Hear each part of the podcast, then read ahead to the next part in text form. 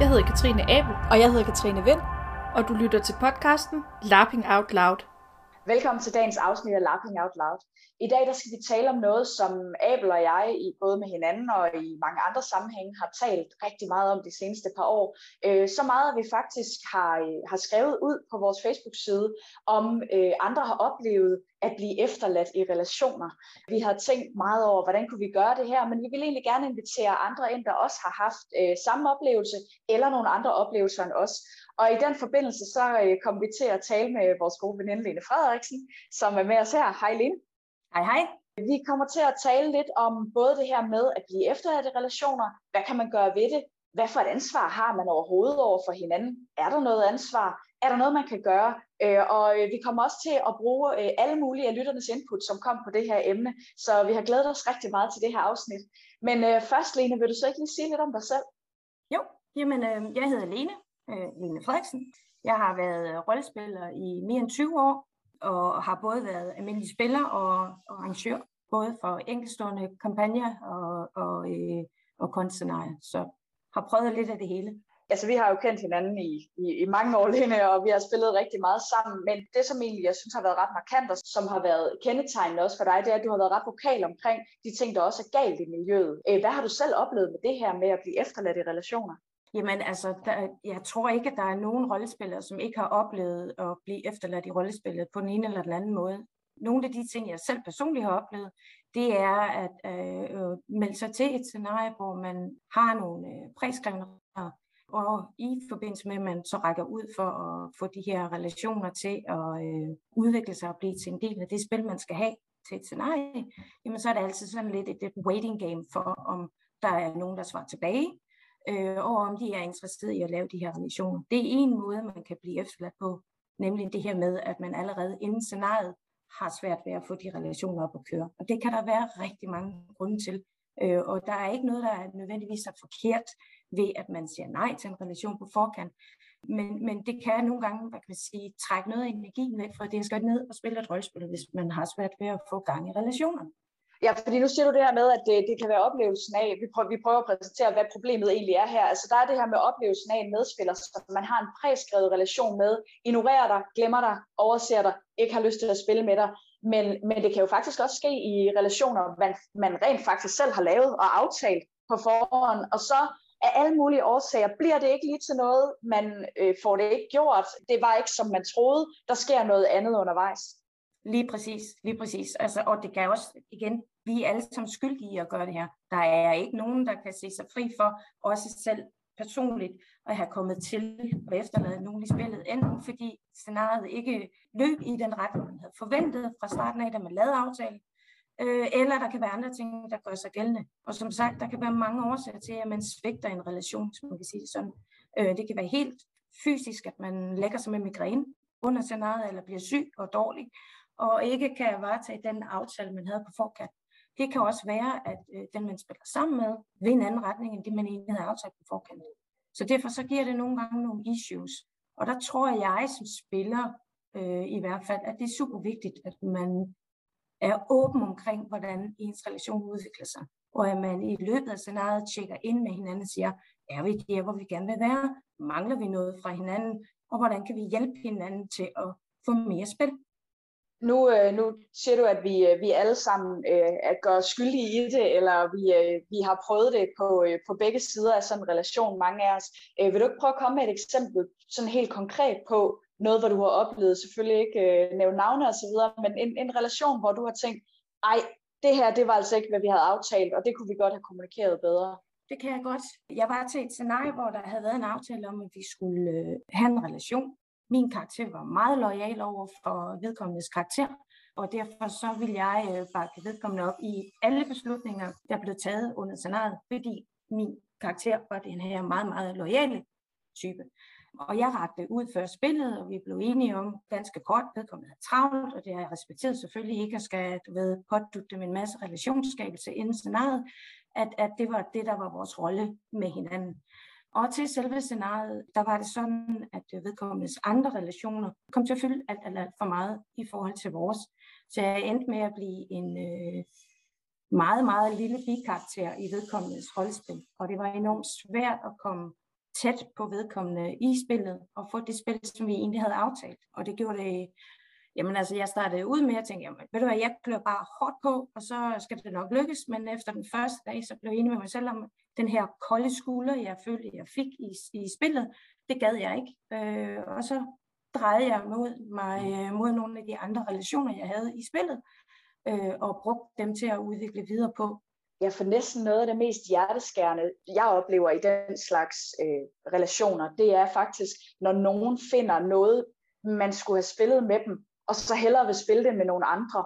Ja. Fordi de enten har bedre off-game-kemi, eller de måske er interesseret i nogle andre off-game, og man ikke sådan er så available selv. Og, øh, altså, det der med at nærmest få overtaget den relation, det var meningen, vi skulle have haft, fordi jeg ikke er god nok, eller det du ledte efter, eller alle mulige tilfældigheder. Det gør simpelthen bare så ondt, så det er også derfor, vi gerne vil tale om det her. Sådan, hvordan opstår det? Hvordan kan vi undgå det osv.? Men jeg tænkte faktisk også på, Abel, vil du prøve at komme med et eksempel på, hvor du har oplevet det? Ja, altså fordi jeg sidder lige her og tænker, at, at, at du har fat i noget af det, som jeg synes er der, hvor, hvor vi virkelig ender røre ved kernen. Det er nemlig, når man kan se, at den relation, man skulle have spillet, er noget, som den modsatte spiller går ud og opsøger andet sted. Fordi så er vi øh, derinde, hvor så er det jo ikke nødvendigvis, fordi at den person har for travlt, eller altså så handler det jo om noget andet, og så er vi derinde, hvor det begynder at gøre lidt ondt, og godt kan være lidt ømtåligt. Fordi hvad er det så, det handler om? Er det noget, man kan snakke om? Er det noget, der er det noget personligt? Er det noget kemi? Altså de her ting, hvor det, hvor det begynder at være sådan rigtig svært, øh, og også lidt emotionelt. Jeg har øh, spillet et scenarie en gang, hvor jeg havde meget få bærende relationer. Det kommer vi også til senere, hvorfor jeg synes, det kan være problematisk. Den ene af dem var til øh, min karakters øh, partner igennem mange år. Og øh, den spiller, jeg havde kalibreret faktisk ret meget på forhånd. Vi kendte ikke hinanden, vi havde ikke mødt hinanden før, men vi havde skrevet øh, sådan rimelig udførligt sammen øh, på, øh, på Messenger. Og havde faktisk også kalibreret nogle ting, hvor jeg normalt synes, at hvor jeg normalt ville have trykket landet før, eller ikke ville have delt så meget af mig selv, fordi jeg tænkte, ah, uff, og sådan, ikke? Men jeg tænkte, det her, det skal fandme, det er en bærende relation, og mit scenarie er ret meget bygget op på, at det her, det kommer til at virke, så nu giver jeg, jeg giver lidt mere af mig selv, for ligesom at, at vi lander den et godt sted. Og det faldt fuldstændig til jorden. Og det, jeg synes, der var det svære ved det, det var ikke, at vedkommende bare ikke opsøgte mig, men det var, at vedkommende gik ud og opsøgte det spil, vi skulle have haft med nogle nye spillere, altså nogle andre spillere. Øhm, og vi havde faktisk en meget klar aftale om, at vores karakterer var lojale og tro over for hinanden. Der skulle ikke være noget utroskab, og der skulle ikke være noget øh, sådan øh, flytten andre steder hen. Og det blev der. Mm. Og det synes jeg var mega. Altså det var sådan, det er sådan den klareste, øh, jeg følte mig virkelig afvist øh, relation, eller sådan efterladt og ladt tilbage oplevelse, du, jeg har haft. Havde du fornemmelsen af, at den spiller øh, øh, også øh, havde off-game interesse i at flytte med de andre, eller var det mere sådan specifikt ikke dig, eller hvordan var din oplevelse? Jamen, det, er jo, det er jo det, der er mega svært, fordi det ved jeg simpelthen ikke. Altså, øh, til selve scenariet blev det meget sådan en om, så det er også bare nok mig, den er gal med, og det er nok også bare, fordi jeg er tyk, eller han synes, jeg er grim, eller det kan være, at jeg lugter ud af munden, eller han lige synes, jeg lugter sved. Altså, der kan være mange ting, ikke? Og nu siger jeg noget, som nogen måske vil være enige i, nogle andre måske vil synes, det er trukket lidt ud af røven. Men vi som kvinder er også, i hvert fald i vores generation, sådan lidt opdraget til den der internalisering, at så er det nok bare mig, den er gal med. Så det var det, jeg var til at starte med. Men, men helt reelt, jeg ved det ikke. Altså, det kan jo godt være, at, øh, at vedkommende bare synes, at, øh, at der var nogle andre, som var mere interessante at lege med, og at jeg bare ikke lige havde tilbudt det spil, som, som personen havde håbet på. Men det er super svært, også fordi det var, det var så ømtålig en situation for mig. Jeg fik ikke, jeg var ikke den gode spiller, der ligesom opsøgte øh, den her spiller og sagde, hey, prøv at høre her, kom nu, jeg har brug for det her, det her, eller kan vi det mindste aftale, at så lukker vi den bare her, og så kan jeg gå et andet sted hen og finde noget spil. Det kunne jeg ikke være i på det tidspunkt. Men må jeg ikke lige sige det der med internalisering, der, det kommer vi helt sikkert ind på senere, det der med, at det er min skyld. I virkeligheden, mm. også en, en af vores pointer med den her samtale jo netop skal være, at det ikke er nogens skyld. Der er ikke noget, man ja. bør gøre der er ikke noget, der er rigtigt og forkert, men hvis man har overskud, så kan man faktisk hjælpe nogle andre til at få en meget bedre oplevelse. Og, så det er også det der med at komme væk fra det der med skyld, fordi igen, nu, nu bliver det lidt personligt her, ikke? Jeg har ja. virkelig gjort mig skyldig i tidligere at øh, været benhård omkring, øh, hvis, øh, hvis der er nogle relationer, der ikke har fungeret, eller jeg synes, folk har i godsøjne svigtet mig, at så har jeg været øh, et, så hård nærmest, at der er folk omkring mig, der ikke har haft lyst til at spille med mig. Efterfølgende mm. jeg bange for, at jeg vil blive skuffet over dem i en anden situation. Og det, det er virkelig, altså hvis man kan komme væk fra det der med skyld, så kan man måske ja. også blive bedre til det. Øh, for, øh, for eksempel også i 2018, øh, så var jeg til et, et større scenarie i udlandet, som var blevet spillet en del gange før, og jeg havde kæmpe forventninger til det. Jeg var i gruppe med mange af mine bedste venner, og så kan jeg simpelthen ikke forstå, hvorfor at det virker til, at der er nogle af de unge, der ikke har lyst til at spille det der unge, gifte kærlighedsspil. Det virker som om lige meget hvad jeg gør, så kan jeg ikke rigtig komme ind i det, og jeg bliver bare ved med at tænke, ja okay, jeg er jo også blevet 30, okay, måske er jeg ikke pæn nok i forhold til dem okay, måske er jeg ikke øh, dygtig nok til det her, måske forstår jeg ikke, hvad de vil. Og jeg bliver bare ved med at slå på mig selv og slå på mig selv og blive mere og mere ked af det, og også blive vred, hvor jeg så snakker med øh, en af mine bedste venner, jeg var i gruppe med bagefter, og en anden utrolig dygtig dansk rollespiller, som vi også kender rigtig godt.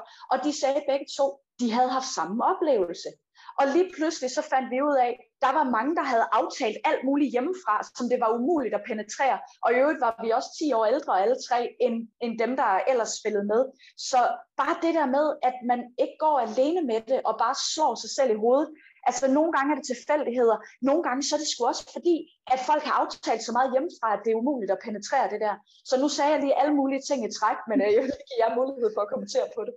Men, men det er jo netop det, der også kan være issue med, at man arrangerer en masse eller aftaler en masse hjemmefra, det er, at det åbner lukker måske for noget spil, man ellers ville have haft med folk, fordi når man tager sandkassescenarier, som jeg så fint kalder dem, hvor man lidt planlægger sine relationer på forkant, jamen på den ene side, så er man sikker på, at man får spillet med nogen, man gerne vil spille sammen med, og man får oplevet det rollespil, man gerne vil, fordi man arrangerer en masse ting med folk, man kender.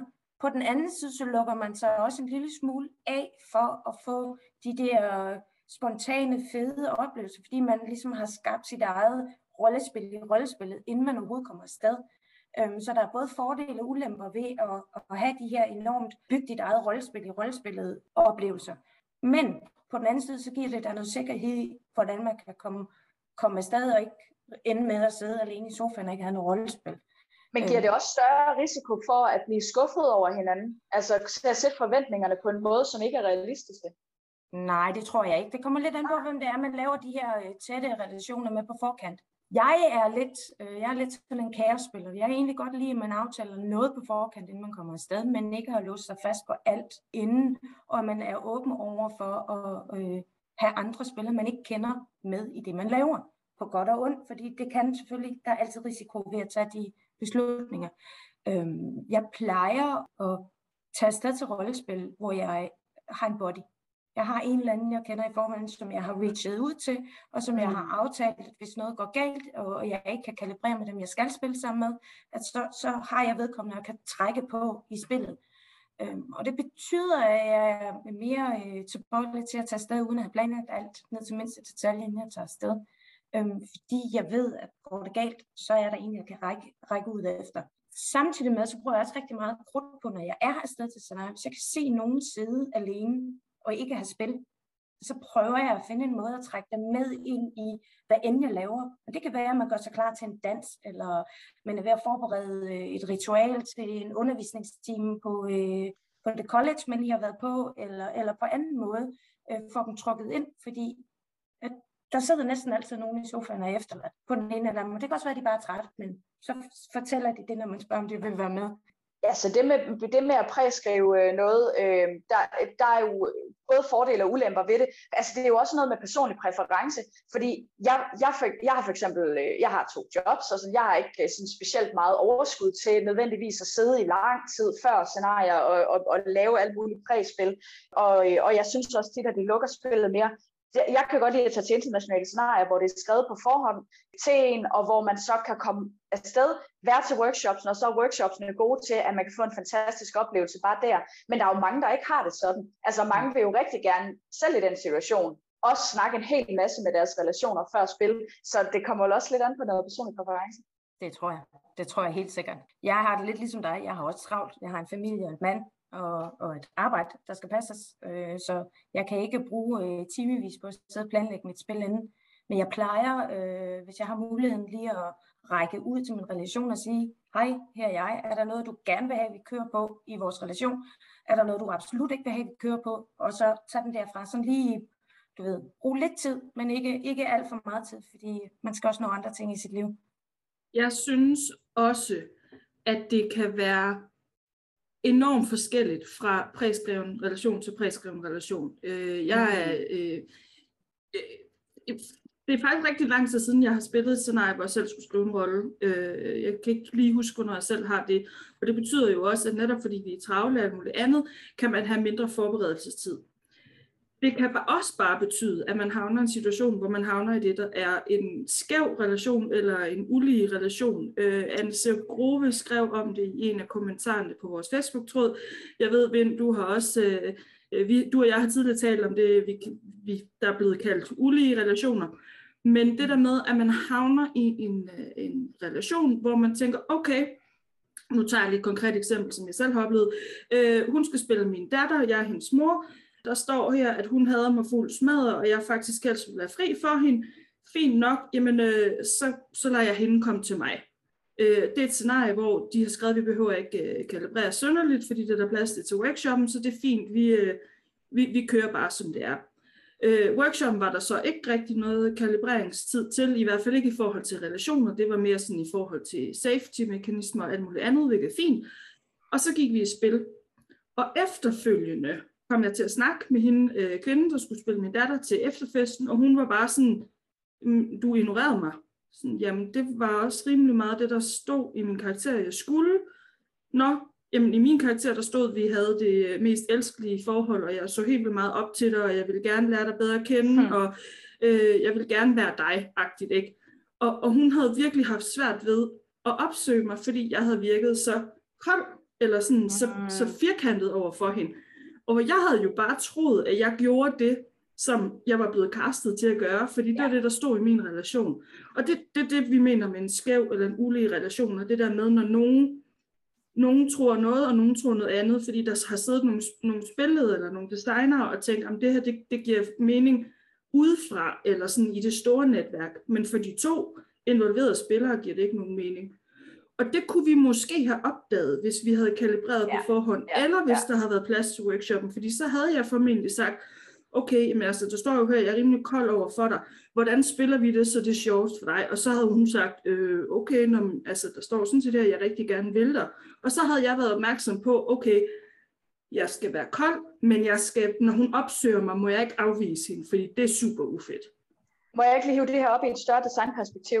Jo, øhm, endelig. Der, der er, øh, hvis man kigger på det designmæssigt, så er det jo også noget med, at hvis du, det er lidt ligesom når man designer scenarier, hvis du både laver et sandbox-scenarie, hvor der heller ikke er noget plot, så er det godt nok ikke meget, der sker, hvis du heller ikke opfordrer spillerne til at lave noget selv. Altså du er nødt til på en eller anden måde at sætte noget aktivitet ind.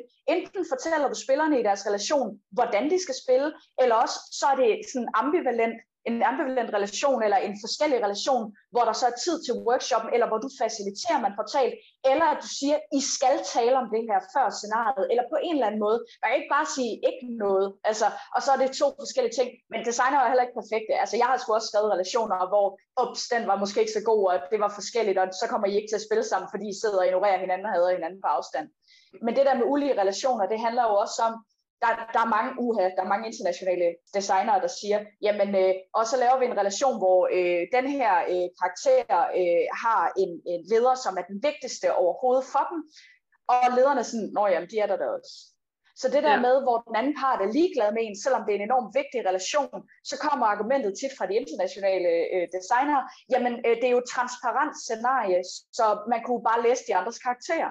Og at kalde det transparens, det synes jeg er grænsende til usand. Ja, det har vi og også øh, kommenteret på tidligere, ikke? Ja. ja, så det er bare for at sige, at et større designperspektiv.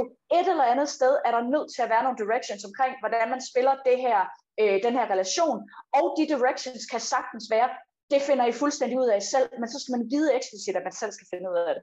Altså, og det er jo nogen, der godt kan lide at finde ud af det på forhånd. Altså, Fino, så er det bare ikke lige øh, et scenarie for mig i hvert fald. Mm. Ej, nu bliver jeg lige uh, skrab her, sorry. Ja, nej, nej, men det er jo helt fair.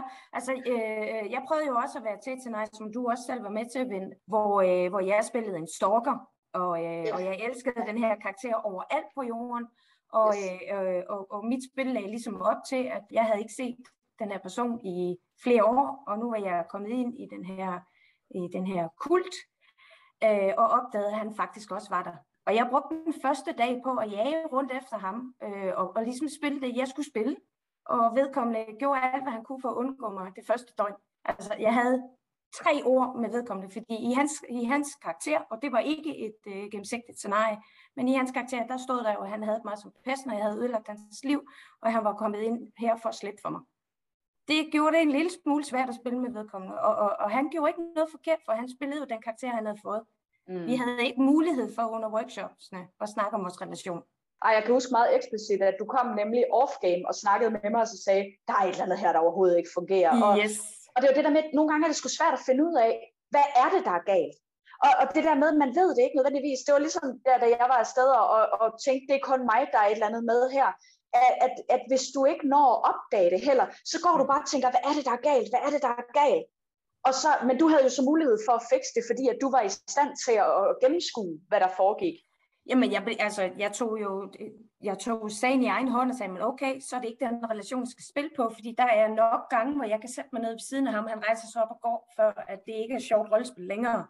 Øhm, men jeg brugte da de første mange timer på at tænke, okay, er det mig, der er noget galt med? Så er jeg forkert ud? Øh, øh, er, er jeg for, for aggressiv i min måde at spille på? Øh, det, det er mig, der gør det forkert indtil at, at jeg jo ligesom, det blev ved med at være et issue, og tænkte, okay, det her, det duer simpelthen ikke. Og så fandt jeg noget andet spil, så tog jeg nogle af de andre relationer, jeg havde, og gik i den retning i stedet for. Og til efterspillet, der fandt jeg ud af, at ham, der skulle spille, øh, øh, personen var jo enormt genert, så han havde jo ingen, han turde stort set ikke snakke med mig off-game og kalibrere med mig, så vi var jo virkelig uheldigt ramt af det her spil, ikke? fordi jeg skulle spille den her enormt aggressive øh, stalker-type over for hans karakter, og hans karakter hadet mig, eller min karakter, mm. for det, jeg havde gjort imod ham i vores baggrundshistorie. Så nu siger du det der med, at du, du tog sagen i egen hånd, men hvad kan man så gøre? Altså jeg tænker, øh, vi, lad os prøve at skille det lidt ad, hvis vi, jeg ved ikke, om vi skal starte med, hvad man kan gøre som spiller, øh, fordi det ligger os lidt op af det, vi allerede talt, så kan vi tale om, hvad man kan gøre som øh, designer senere. Men, men Lene, hvad tænker du, hvis man havner i en situation, hvor man føler sig som den efterladte, hvad, hvad kan man gøre? Nu ved jeg ikke, hvad andre gør, men, men jeg gør det som regel, at jeg øh, øh, rækker ud til andre, jeg kender i scenariet, hvis jeg kender nogen. I det her tilfælde var det vind, og så siger jeg til hende, jeg synes det her det er helt over. Jeg aner ikke, hvad jeg skal gøre ved situationen. Er det mig, der er helt fucked i hovedet? Er det mig, der øh, ikke ved, hvordan jeg skal spille rollespil længere? Øhm, og så får jeg en, en udefra bekræftelse i, jamen der er ikke noget galt i det, jeg har gjort, eller det ser ud som om at være rigtigt, men så tager jeg næste trin og siger, okay, hvad kan jeg så gøre? Og det kan være, at man rækker ud til vedkommende og siger, ved du hvad, jeg synes, øh, time out, jeg synes, det vi laver lige nu, det virker ikke for mig. Kan vi, kan vi arbejde med vores relation, lige hurtigt tage 10 minutter inde i et soveværelse, hvor vi lige snakker om, hvad vi gør, øh, mm. og hvordan vi løser det her. Hvordan kan vi skabe en scene, der får vores spil ind på rette spor igen. Det kan også være, at, at man tager fat i sin body. Nu snakkede jeg om tidligere det her med, at jeg tit tager afsted med en body og siger, hvad, mit, mit spil virker sgu ikke. Hvad gør jeg? Og i sidste ende, hvis alle de her ting ikke virker, jamen, så kommer man til, til, til en arrangør og spørger med, hvad kan du hjælpe mig? Fordi jeg, jeg ved ikke, hvad jeres idé var med den her relation, men det virker ikke, som det er lige nu. Hvordan, øh, hvordan kan vi dreje det her, eller skabe et eller andet, så det kommer til at fungere? Det er de der tre hurtige steps, jeg tænker er, er vejen frem. Og det skal også siges, at vi nok alle tre her har en lille smule bias, øh, værende designer selv, i at øh, være lidt autoritetstro for det, der er skrevet. Der er jo også nogen, der bare siger, så er jeg fuldstændig ligeglad, jeg går ud og laver mit eget, min karakter, min egen, nu gør jeg bare det her. Øh, og og øh, det er jo, altså hvad skal man sige, lige så, lige så valid en måde at gå til det på. Men, men jeg tager i hvert fald til scenarier med den øh, antagelse, at, at designerne har haft idéer med det, de har skrevet.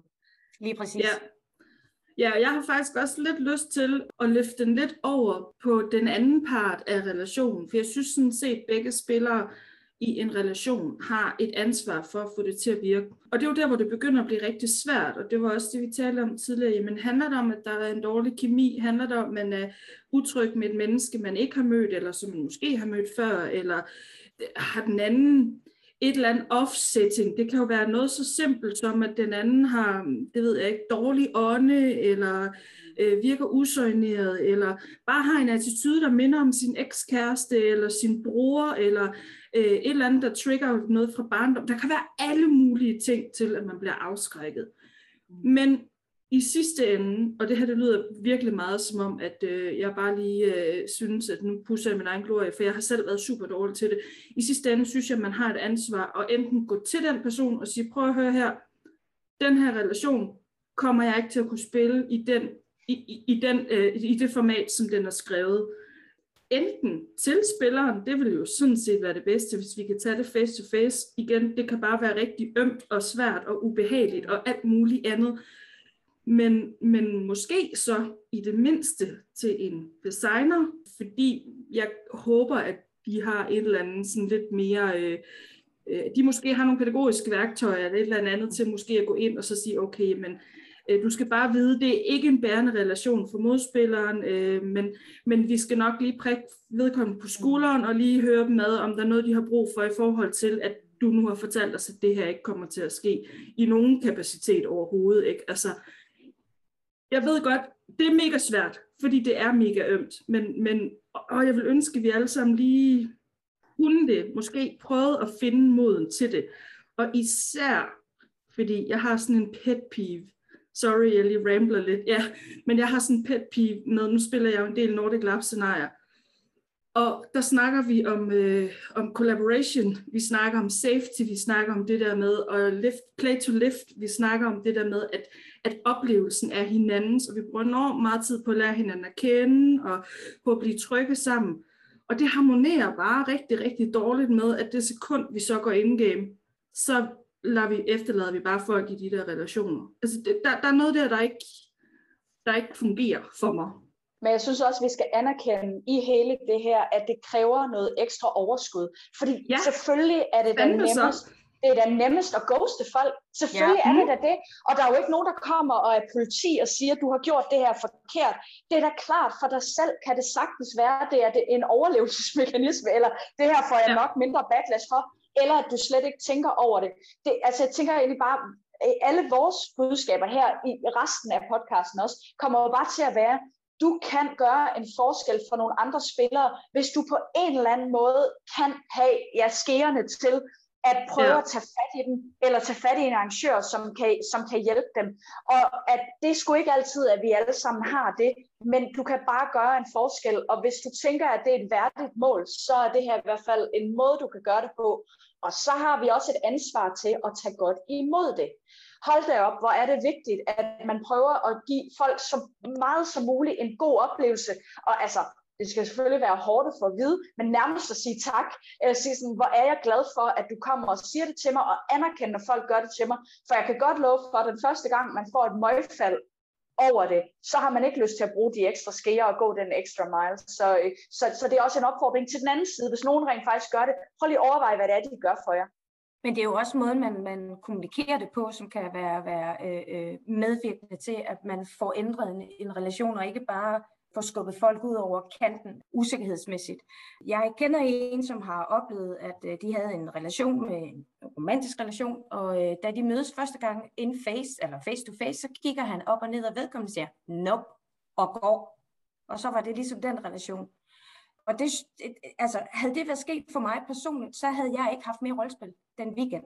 Så var jeg øh, blevet sat ud på et tidspunkt af at være blevet afvist på så hård en måde. Og, og det jeg tænker er, det må være, altså, det er super vigtigt, at når man skal afvise nogen i en spil, eller sige, det her det duer ikke for mig, at man gør det på en måde, så man ikke får skubbet folk ud over en kant, mm. og, øh, og de ikke kommer tilbage ind i spillet igen. Ja. Øhm, og det kan man sagtens igen, vi arbejder så meget med at være i safe miljøer, når vi spiller rollespil, at vi skal tænke på hinanden, og man har et eget ansvar for eget rollespil, men man har jo selvfølgelig også et medansvar for andres rollespil. Så hvorfor kan man ikke også godt tage den her til og sige, hvordan kan man sige tak, men nej tak? Og det er der heldigvis rigtig mange scenarier, hvor der er øh, workshops before, øh, før scenariet, hvor man arbejder med det her med at sige, det her er ikke for mig ja, hvor man decideret øver sig på det, og hvordan man kan gøre det sammen. Øhm, jeg er også, øh, hvordan man kan gøre det fra et designmæssigt perspektiv. Jeg har i hvert fald forsøgt at gøre det, både til mit Spoils of War og Demon, og så skrive simpelthen eksplicit fra starten af, og så sige, det her, det er det, som jeg håber, I vil gøre, at I vil, hvis der er relationer, som I allerede kan se nu, det bliver problematisk, det har jeg ikke lyst til, tag fat i mig som designer, jeg skal nok hjælpe med at skrive det om, jeg skal nok lægge ekstra arbejde i, at også få den anden hjulpet godt videre. Hvis man så også finder ud af det undervejs, så kan det jo være noget andet. Så, så, så har man fundet ud af, okay, det virker ikke alligevel. Så kan jeg enten stå, stille mig til rådighed som GM og så sige, jamen kom, det kan være, at vi kan finde ud af noget sammen. Eller jeg som minimum kan finde ud af noget andet. For jeg kan have alle karaktererne i hovedet. Jeg kan måske hjælpe med at sige, hey, jeg kender dem her over, jeg ved, de måske godt kunne bruge sådan og sådan, og så kan jeg snakke med dem off-game.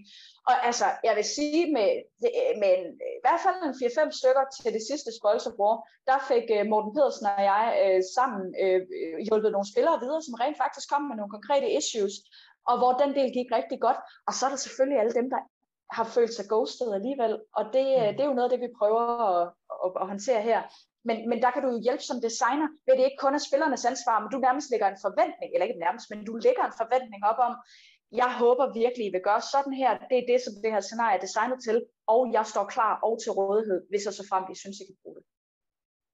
Og med det, der synes jeg simpelthen, vi skal gå videre til, fordi vi er allerede lidt i det, hvad, hvad kan man som designer gøre helt konkret for at forhindre det her? Og det skal jo siges til alle vores lyttere, at øh, vi har ikke nødvendigvis den, øh, den øh, øh, gyldne, hvad hedder det, øh, det løsning. Men, øh, men det her det er jo bare idéer, som vi håber, at folk vil, vil tage og, og bygge videre på, løb med dem. Og der findes garanteret en masse idéer derude, og nogle ting, som nogle designer allerede gør. Så, så hvad kan man gøre, Lene? Jeg ved, du har nogle bud. Ja, jamen det har jeg. har faktisk lige fået en, øh, en karakter til scenarie, jeg skal spille om en eller anden måned. Øh, og der har arrangørerne rent faktisk i, øh, i øh, karakteroplægget, eller i, øh, i brevet, der følger med karakteren, skrevet, at øh, vi anbefaler, at vi bruger de næste halvanden måned til at snakke relationer, og, øh, og for, for at hjælpe jer i gang med de her relationer, I alle sammen har, øh, så har vi lavet nogle spørgsmål, som I kan bruge til at udvikle jeres relationer med. Og på den måde, så får man måske startet noget op, og, og for os, der har travlt, jamen, så har vi noget at bygge på, og, øh, og så tage den der dialog med, med de andre personer, man har i relationerne. Og så ser man, hvor det bærer hen af på den måde. Det er en måde at gøre det på. Det andet er, som, som øh, Vind jo sagde, det her med, at man, man tydeliggør, at man som arrangør rent faktisk står til rådighed for at hjælpe med at få relationer, som er skæve eller, eller ikke passer til en øh, til at virke, både før scenariet, men så dels også under scenariet. Og så gør det, tænker jeg, det vigtigste er nok, at man som, som arrangør gør det tydeligt over for spillerne, at det er okay at bede om hjælp i de her situationer. Og at, at, at man som arrangør faktisk sidder klar til at kunne hjælpe. Og så den sidste ting, det er, at I selvfølgelig stadigvæk beder øh, spillerne om at have et medansvar i, i deres oplevelse. Fordi det er også vigtigt. Abel, det kan være, at du vil prøve at fortælle lidt om, hvad vores lyttere rent faktisk har skrevet ind før den her udsendelse, sådan omkring, hvad, hvad synes de, man kunne gøre ved det her? Ja, jamen øh, altså, øh, jeg vil jo starte med at sige, at, at faktisk så er det her jo ikke en, øh, en oplevelse, som er, er noget, som, hvor vi sidder sådan lidt niche, at så er det Lene og Vind og Abel, der har prøvet det her. Det er... Øh, det er virkelig en generel følelse, og det er også bare for at sige, at hvis man har oplevet det her, så er man ikke alene. Altså det her, det er noget generelt for rigtig mange rollespillere, og vi kan se på, der er sådan en øh, gruppe på, øh, for internationale rollespillere, hvor man kan afstemme øh, om ting, og der endte det her med at være øh, øh ligesom den ting, der gjorde flest folk kede af det, når de spillede scenarier. Så, så det, og det er altså mennesker helt fra jeg har spillet et scenarie før, til jeg har spillet scenarier de sidste 30-35 år. Så det er alle typer af spillere. Det er de gavede, det er de nye, det er de unge, det er de voksne. Altså, vi har alle sammen siddet i den her situation. Og det har nogle af vores øh, lytter også, og har også nogle gode idéer til, hvad man kan gøre. Søren Højlund Hedegaard, han skriver, nu har jeg valgt at bruge et begreb, som vi har brugt før, og som du har køjnet ved, øh, med frontloaded øh, øh, relationer. Men han, han skriver her, at man bør lave det som basically en frontloaded relation. Det vil sige, at man har øh, en relation, hvor det er blevet defineret op til og med start af spillet, hvordan relationen har været der er måske lagt op til en konflikt, eller der er lagt op til et eller andet, men, men fra spilstart og frem, der er det sådan set op til spillerne selv at definere, hvor den bæres hen. Det er egentlig også en måde, som du har skrevet øh, relationer på tidligere, ved jeg, ved, øh, til øh, blandt andet Spoils of War. En måde, hvor i stedet for at gå ind og sige, han er din bedste ven, og du forventer, at I skal blive gamle sammen, så bare skriv, I har oplevet det her sammen, og status quo er lige nu den, at og så kan spillerne selv fylde resten ud. Så kan det godt være, at de ender med at starte den på en konflikt, eller slutte den på en konflikt. Og pointen er det der med, at det er meget nemmere at have en relation, hvis man har noget at snakke om. Vi har lavet det her ja. sammen, vi har oplevet det her sammen, og ikke kun, du synes det her om dem. Ja. Cool, men øh, hvad skal vi så snakke om, når vi ses? Ja, og så kan man nemlig bruge det, det, den første del af spillet til indgame at finde hinanden. Det vil sige, det der øh, den der normale kalibrering, man vil lave off-game, den laver man faktisk både som, som spiller, men egentlig også som roller, og det kan nogle gange betyde, at det måske er lidt mere legalt at sige, okay, vi, vi spillede lidt sammen, og vi var faktisk begge to enige om, at vi bare fandt vores eget. Men så har man ligesom touchet base med hinanden, hvis, hvis det er der, den havner. Det er i hvert fald en måde at gøre det på. Så har Troels Fenger Palmen skrevet, at øh, han synes, det er rigtig vigtigt at give folk mulighed for at lære hinanden at kende. Og det er jo især her i tilfælde af præskrevne relationer og i situationer, hvor man skal spille med nogen, man ikke aner, hvem er. Og det der med at lære spilleren at kende, at man ikke kun siger, hej, jeg hedder Katrine, jeg skal spille din hustru. Men at sådan, hej, jeg hedder Katrine, jeg skal spille min hustru, og her er lidt om mig, eller vi kan lære hinanden at kende, fordi i bund og grund, så er rollespil jo en tillidsbaseret øh, øvelse, vi laver med hinanden, og der kan det måske være rart at have lidt, øh, lidt indsigt i, hvem vi er. Øhm, har I nogle eksempler på, på scenarier, hvor I, hvor I, altså, eller har I oplevet det her være en ting, altså det der med at lære hinanden at kende? Nu siger vi, at designere mest af alt bare fokuseret på, på nu skal karaktererne mødes-agtigt. Jeg synes, vi gør det tit sådan øh, øh, i mange af de scenarier, jeg både laver og er med til, at man laver nogle icebreakers, og man lærer hinanden at kende igennem workshops omkring karaktererne. Øh, jeg tænker da, at øh, skal have ret i, at øh, det måske kunne være at det kunne være gavnligt rent faktisk, at spillerne lærer hinanden at kende. Øh, men, men igen, der må man virkelig prioritere, hvad skal man bruge sin workshop-tid til. Altså så kan man sige, skulle man bede folk om at komme dagen før, så man har noget tid sammen om aftenen før, eller skulle man bede om et eller andet ekstra tid. Men, men det er tit sådan noget, hvor lang tid har vi location, og hvad vil vi bruge vores tid på, mens vi er her, også hvis man skal rejse. Så, mm. så, så en en rigtig god idé, men kunne man måske sætte, øh, sige, der er øh, to Zoom-møder. Man kan vælge at komme på dem, hvis man synes. Øh, det giver selvfølgelig også ulige relationer, dem der har mest tid off-game. Mm-hmm. Men, men det var en anden måde at gøre det på. Altså det, ja. øh, men jeg synes, jeg synes, at det bliver tit igennem, vi gør os klar til scenariet, og ikke så meget, hvem er du off-game, og øh, Lene bor i øvrigt i øh, Odense med sin familie, og, og er, er en chef i sin, øh, i sin hverdag. Ja. Altså, jeg vil sige, øh, selvfølgelig vil jeg da gerne vide lidt om dem, jeg spiller sammen med, men, men det, er ikke, det er ikke så vigtigt for mig. Det, det mest vigtige for mig, når jeg laver relationen, det er, at jeg ved, hvad er det for slags rollespil, de gerne vil spille. Øh, fordi hvem de er til hverdag, betyder jo i rollespillet ikke ret meget. Men hvis jeg ved, hvordan spilleren, jeg skal have en relation med, gerne vil spille rollespil, hvor er deres grænser hen, øh, øh, hvad virker for dem, hvad virker ikke for dem, har de nogle triggers, eller har de ikke nogle triggers, altså hele safety-situationen omkring rollespillet, den er jeg faktisk meget mere interesseret i at få øh, på forkant, fordi det gør også, at jeg kan være med til at forme den relation, vi skal have, i en måde, som passer begge vores spilstil. Fordi vi spiller forskelligt alle sammen. Vi har forskellige måder at, at, at gå til det på. Men er der en, en, en person, der opsøger mig inden et scenarie for en relation, som også taler personlige ting, jamen, ved du hvad, så tager vi den også, fordi det er, jeg har ikke noget imod at dele, hvem jeg er. Det er bare ikke vigtigt for mig for at kunne spille rollespil.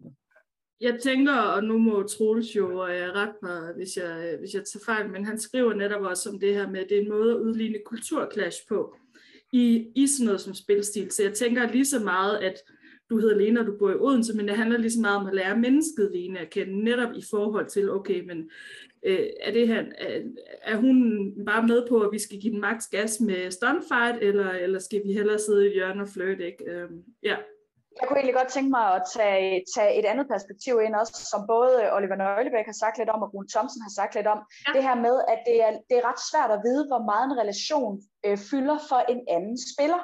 Så nogle mm. gange kan man også komme til at ghoste nogen, hvor man ikke ved, at man ghoster dem. Lidt af din historie, Abel. Fordi for eksempel Rune, han skriver, at han har prøvet det modsatte, hvor en anden spiller lagde utrolig meget altså i deres relation i forhold til, hvad den egentlig var skrevet til. Og at det var faktisk ubehageligt for ham, at han følte, at vedkommende forventede alt muligt, som, som egentlig ikke var en del af spillet. Og så stod han lidt tilbage som bad guy på en eller anden måde i den. Øh, og det synes jeg er ret interessant, fordi der er jo det der med kalibrering, at ja, man kan, man kan blive efterladt, og det er tit det, der er det største problem, men man kan sgu også blive overvældet af, hvor meget en anden spiller forventer en. Yep. Ja, ja, helt sikkert. Okay. Altså, jeg har faktisk en positiv historie omkring det her. Jeg har lige været afsted til et helt fantastisk scenarie i Sverige, hvor øh, jeg havde lavet nogle relationer på forkant med nogle folk, vi havde snakket om, hvad det var, vi ville opnå.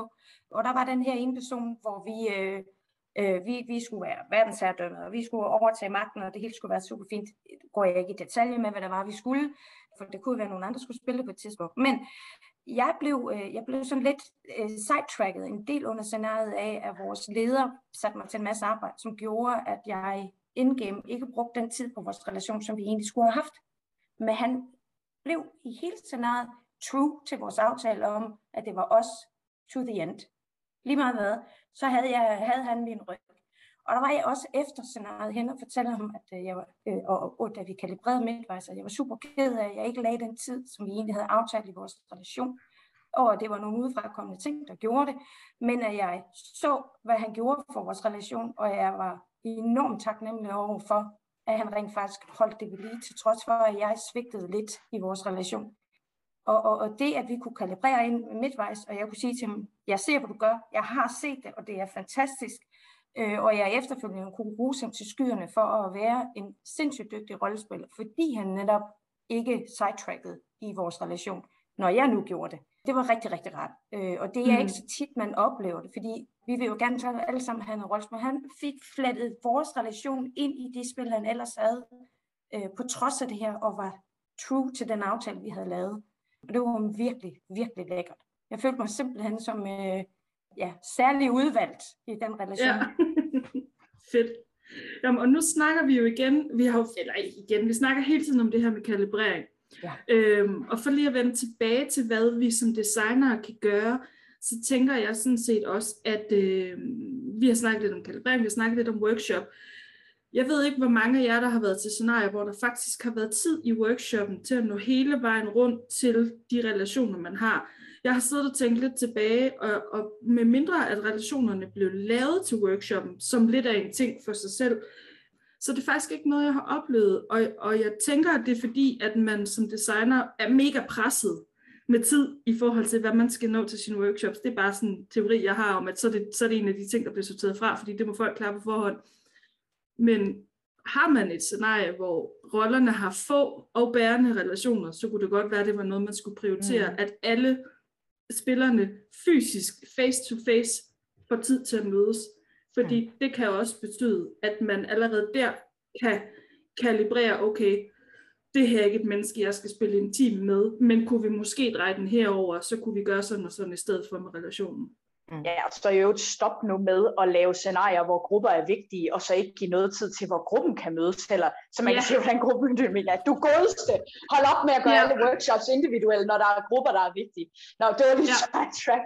Men i forhold til det, så synes jeg faktisk, noget af det, som øh, det scenarie, som Line talte om uh, tidligere omkring kult, uh, har gjort det rigtig godt, og det er faktisk noget, uh, som jeg har adopteret også ind i Spoils, det her med at spille, spille introscener uh, med de tætteste relationer. Så ja, man kommer måske ikke rundt om alle de relationer, man har, men man får spillet nogle introscener med dem, som man har de tætteste relationer med, ikke siger, okay, det her det fungerer i hvert fald ikke, eller kan vi gøre det på den her måde i stedet for, og så får man lige så spillet varme på hinanden. Og øh, nu ved jeg for dig, Abel, at det ikke er alle, så hvor det, det fungerer. Men nope. for, for mig, der har det virket rigtig, rigtig godt de gange, jeg har været i det, fordi jeg alligevel bare tænker, gud, hvor er det akavet det her. Men det er det sgu tit, når man starter et rollespil og starter en relation, og så er det måske knap så akavet, når man lige kommer ind fordi man lige har varmet lidt op. Så det er en måde, man kan gøre det på i hvert fald. Ja. Det virkede så ikke til kult for mit vedkommende, fordi Nej. der endte jeg med at være tredje jul i vores øh, introscene. Ja, ja. ja. Men øh, det, er, det er undtagelsen, der bekræfter reglen om, at det virker. Fordi jeg har også prøvet, at det virker. Og også øh, det scenarie, som jeg lige har rost, øh, skyerne, som var et virkelig fantastisk sted at starte efter en pandemi. Der havde vi også den her midtvejskalibrering, hvor arrangørerne sagde, men okay, nu er der gået otte måneder siden, siden i går hvad der skete siden sidst. Nu vil vi gerne have, at vi sidder som en stor fælles gruppe og bliver enige om, hvad der skete i det store hele. Og så går vi bagefter ud i de små grupper og snakker om, hvad der skete i de små grupper. Og til sidst så går I ud og snakker med jeres relationer og siger, hvad der skete i de små relationer. Øh, og det brugte vi to timer på, og det fungerede simpelthen så godt, fordi vi blev alle sammen enige om, hvor er vi henne, hvad er der mm. sket, og hvor er, hvor, hvor er vores relationer efter otte måneder. Og jeg synes faktisk, når du roser scenariet så meget, så synes jeg altså lige, vi skal sige, at det er Lord of Lies og Atropos, så ja. hvis så øh, altså det, det, det skal de altså lige have lidt, øh, lidt credit for, når du, øh, når du siger Jeg synes, det var sindssygt dygtigt til at få, øh, få den rigtige mængde workshops ind før, under og, og efter scenariet. Ja. Jeg, kom, jeg kommer også til at tænke på nu her, nu hvor vi også taler om på scenarie. Jeg var til det øh, rigtig fremragende Libertines øh, i starten af 20, jeg tror, øh, det, jeg, det jeg virkelig indså der, det var, hvor vigtige øh, relationer kan være, hvis du også er, har meget lidt agency i setting det der med at være kvinde i en setting, hvor de så skriver ind, at man øh, ikke har lige så meget at sige som mændene, eller hvis man er et sted, hvor alder betyder meget, eller status, øh, øh kulturel øh, eller social status betyder meget, øh, og du har mindre agency af den grund, så er du bare endnu, endnu mere afhængig. Altså rådprispatriarker for den sags skyld. Altså øh, hold da op, hvor kan det bare være et ekstra slag i ansigtet, hvis de relationer så øh, ikke går, som du håber. Ja, og så er vi nemlig, og så er vi, så er vi igen lidt over med det der med bærende relationer, ikke?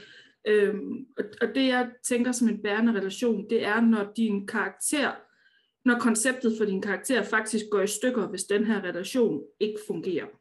Ja. Øhm, og man kan sige, der kan man jo så som designer vælge at sige, at jeg vil lave roller, hvor hvis jeg aktivt inde i mit hoved piller den her alle relationer ud enkelt, enkeltvis, hænger rollen så stadig sammen. Altså det er jo en måde at imødekomme det på. Så kan man være uheldig, at der er to eller tre relationer, der falder sammen, og så er man lige vidt. Men, men det er i hvert fald en måde aktivt som designer at imødekomme det på.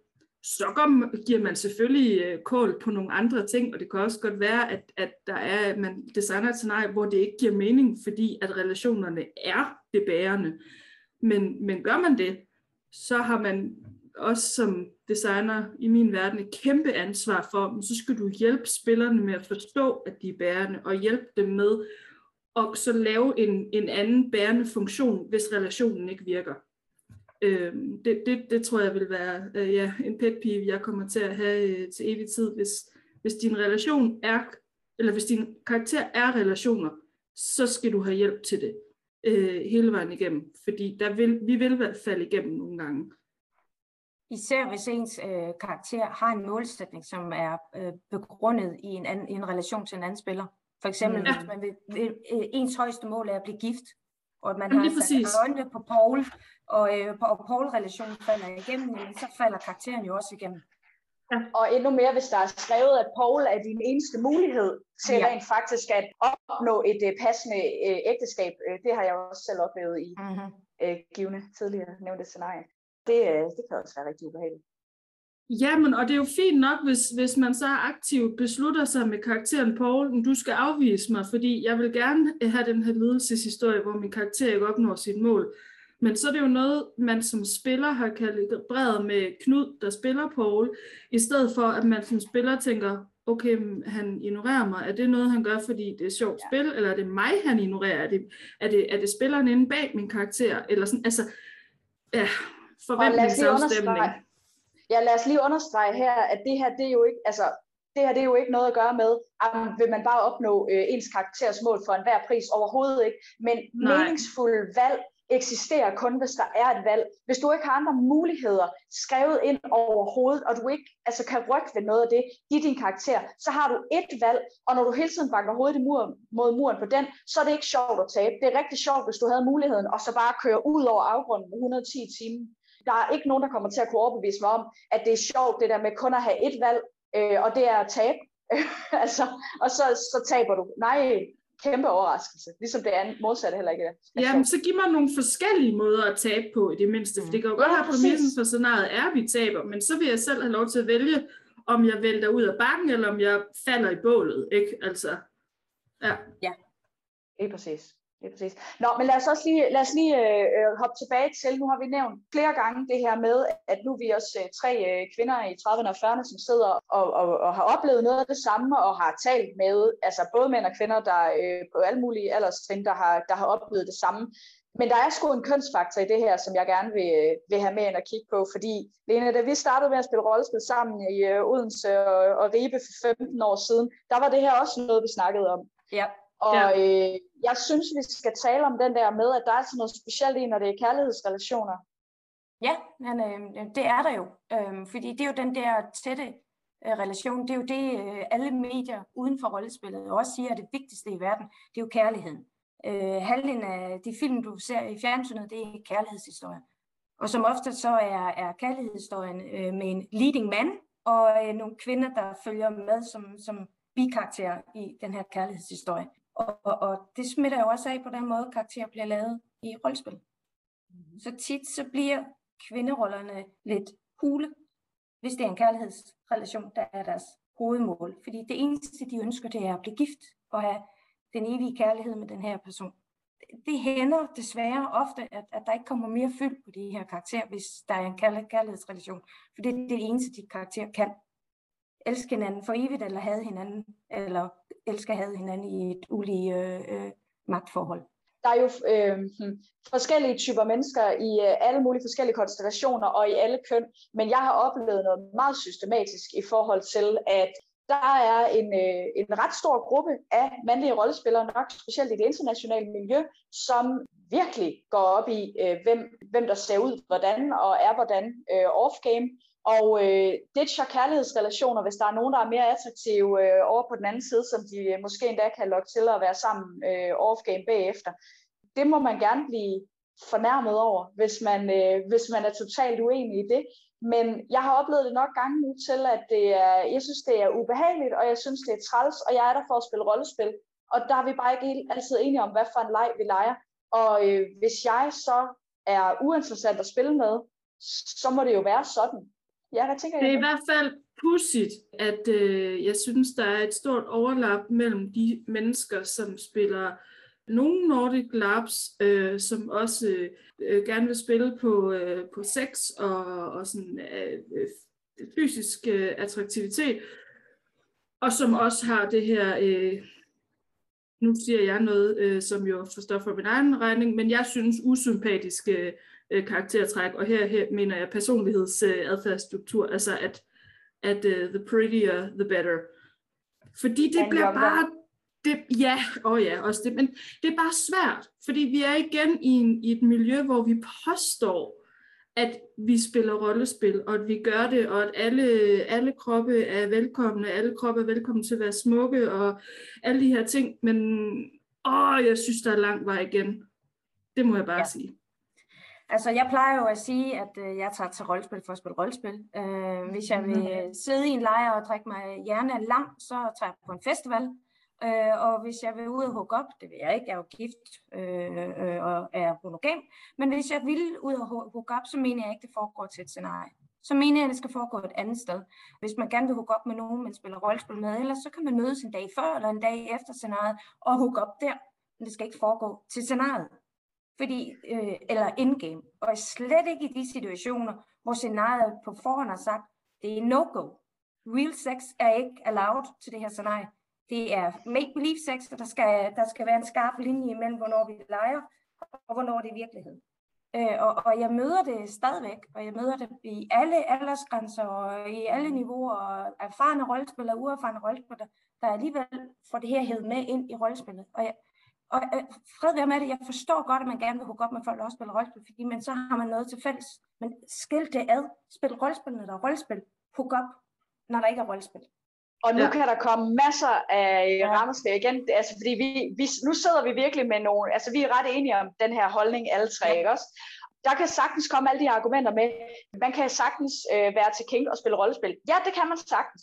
Absolut. Sagtens. Jeg kender mega fede rollespillere, som, som har det som en anden interesse også. De skal bare primært spille rollespil, og så kan de også gør det andet, hvis det er en del af spillet, eller, og, og det, det, det må man jo gerne lave rollespil om, men, men det der med at hive det ind i spil, hvor det overhovedet ikke er en del af temaerne, og hvor det så bliver det interessante, det er i hvert fald der, hvor jeg godt kunne føle mig røvrendt i nogle relationer. Man kan sagtens øh, have dårlig kemi med nogen, man er ikke tvunget til at spille noget som helst, man, det er ens egen krop, det er ens egen oplevelse, man er ikke tvunget til noget som helst, men hvis du så har en lyst til af alle mulige årsager. Det kan være off-game, in-game, manglende kemi med den spiller, der var der i forvejen. Øh, hvis du så kan have skærende til at sige det til dem, så gør du mindre ondt på andre, end hvis du ikke gør. Altså, så der er nogle forbehold, man kan tage, og man må gerne være uenig med os i det her, men det er faktisk noget, som har ramt over rigtig mange år, og det er ikke kun os tre. Og jeg ved ikke, om, om mænd oplever det lige så meget. Ja. ja, for mig at se, så er vi, vi er lidt tilbage i, øh, i en snak om forventningsafstemning og biases osv. Og, og i forhold til dagens tema om det der med at huske dine relationer, så, så har, når, når jeg bringer øh, kink øh, og så videre ind i det her, så er det jo fordi, at vi så også er inde og, øh, og have nogle biases med os, og det eneste, jeg beder om, for det, man må gerne spille øh, øh, øh, kink-scenarier og sådan noget. Jeg har selv været med til super fede kink-scenarier. Det er slet ikke det. Det eneste, jeg beder om, det er bare, at man som spiller er enormt bevidst om sin egen ageren i det. Og at man som spiller er enormt bevidst om, når man jeg kan bedst lide øh, øh, blåhudet, øh, øh, træarmede øh, øh, væsner Derfor skal jeg måske sørge for, at det ikke nødvendigvis at de eneste, min karakter så også opsøger. Altså, vær bevidst om sit eget bias, og vær bevidst om, at jamen, det kan sgu godt være, at jeg skal gå herover i det andet hjørne og prøve at spille med nogle mennesker, jeg aldrig normalt vil spille, eller opsøge i en kink sammenhæng, men det kan godt være, at det giver pissefedt rollespil. Det er egentlig det eneste, jeg beder om, det er at være nu bevidst om det. Og det er jo noget med seksuelle spil at gøre i det hele taget, ikke? Fordi altså, nu kan det meget hurtigt lyde som kickshaming, men det er jo faktisk en, en, okay. en anerkendelse. Ja. Det, kan jo lyde, det, det er rent faktisk en anerkendelse af, selvfølgelig er tiltrækning, øh, seksuelle relationer, øh, romance for mange spillere, ikke for alle, men for mange spillere er det noget af det mest interessante, man kan spille. Det er noget, man mm. måske ikke oplever så mange gange i sit liv. Det er noget, som virkelig kan vække nogle off-game følelser. Jeg elsker selv at spille på sådan noget.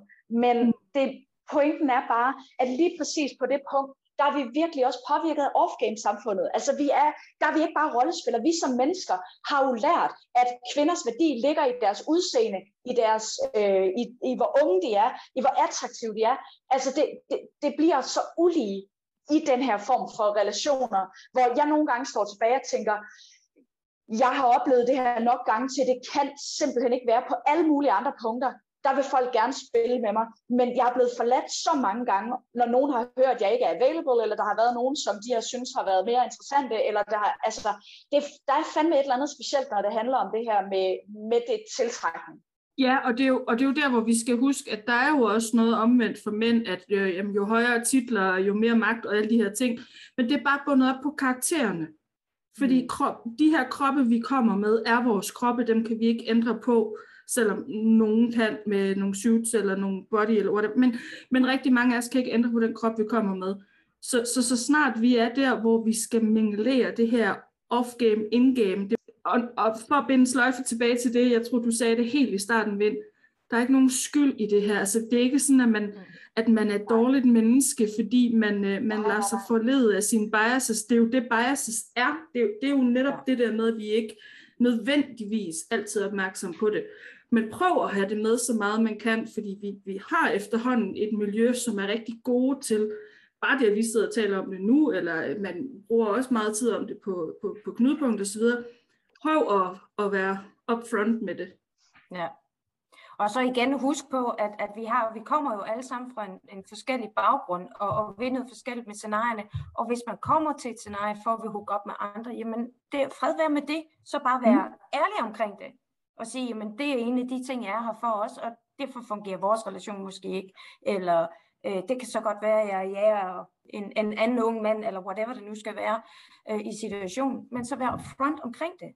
Mm. Sådan så man som, som spiller ikke uh, tror, man skal have en kærlighedsrelation med en, som så det øjeblik, de kom til snart, ser, at der var en anden yngre model, eller mere øh, gråhåret model, eller whatever det nu skal være, som lige er ens øh, øh, foretrukne.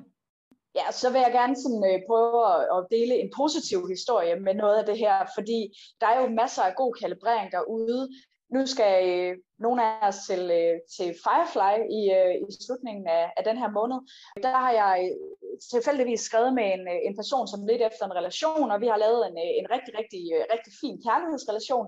Og så prøvede jeg faktisk at sige til ham, hvis du undervejs ikke har lyst til at spille med mig, og ikke øh, synes om det, eller det ikke virker for dig, når vi kommer derud, så vil jeg gerne lægge op til, at jeg gør alt, hvad jeg kan for at være rigtig, rigtig sød omkring det, og tage rigtig godt imod det. Vil du ikke godt bare sige det til mig, så jeg ikke bruger min tid på at vente på dig, og virkelig prøve at lægge skærende i at sige på forhånd, det er okay, hvis du gør det. Jeg vil bare rigtig gerne vide det.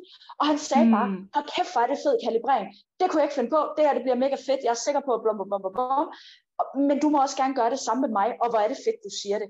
Hold kæft, hvor var det en god interaktion, og jeg fik bare omgående meget mere tillid til den her person. Altså ikke, at han havde givet mig grund til i forvejen ikke at have det, men det var bare sådan en, okay, vi to taler samme sprog, så det der med, at nogle gange behøver det bare ikke kun at kræve skære, nogle gange kan det faktisk være en virkelig fed oplevelse, der også bygger tillid. Ja, Jamen, og jeg har præcis den samme erfaring. Jeg, jeg, jeg ved ikke, om det er, fordi jeg er blevet, har spillet flere typer scenarier, eller om jeg er blevet ældre, eller om jeg bare uh, har flere fucks to give. Men, men det der med at sige det på forhånd, det er bare, jeg er helt enig i Vind. Altså, ja. det, det, er, det, er, det, det redder også lidt en selv fra nogle, nogle klemte følelser, ja. og nogle, om så kan jeg bruge en hel masse hjernekapacitet på at tænke, hvad det var, der gik galt, eller jeg gjorde galt, i stedet for at man bare ved, det fungerede bare ikke, og det er okay, og nu har vi snakket om det, og nu skal jeg bare ud og lege med nogle andre. Ja. Og jeg kan ja. kun bakke det op. Jeg gør nøjagtigt det samme, øh, og har gjort det mere og mere øh, de seneste par år, hvor jeg øh, ret øh, hensynsløst øh, tilmelder mig scenarier, uden nødvendigvis at tage med nogen, jeg kender på forkant. Og, og mm-hmm. der er det mhm. bare vigtigt, at man ligesom får beskyttet sig lidt på forkant, og får lavet de her ting, og, og sagt, at det er ok, at du siger noget til mig under scenariet sig endelig til, hvis noget ikke fungerer. For jeg vil hellere prøve at arbejde med at få det til at fungere, end at vi til efterfesten finder ud af, at, at øh, du havde en dårlig oplevelse, fordi vi ikke kalibrerede. Jeg synes, det var en uh, nice high note at slutte på. Ja. Mega godt. Jamen, øh, så blev det også lige lidt øh, følelsesladet og lidt personligt her i Lapping Out Loud, og jeg håber, I alle sammen øh, har nyt øh, samtalen derude. Vi vil jo rigtig gerne tale mere om det her. Lapping Out Loud kommer både på, øh, på forum, og øh, jeg venter også på knudepunkt, så vi er, vi er helt klar på at tale om de her ting, og øh, kommentere meget gerne. Øh, også jer, der har kommenteret tidligere, om er der andre pointer, I tænker over, når I hører det sat i den her kontekst. Så tusind tak, fordi I lyttede med, og mange tak til vores gæst, Lene Frederiksen. Velbekomme. Med lige måde. Det var hyggeligt at være her. Find os på Facebook og lad os vide, hvis der er et emne, du gerne vil have, vi tager op, eller en gæst, du gerne vil høre fra. Det var alt for denne gang. Du lyttede til Lapping Out Loud. Mit navn er Katrine Abel. Og jeg hedder Katrine Vind. Tak fordi du lyttede med.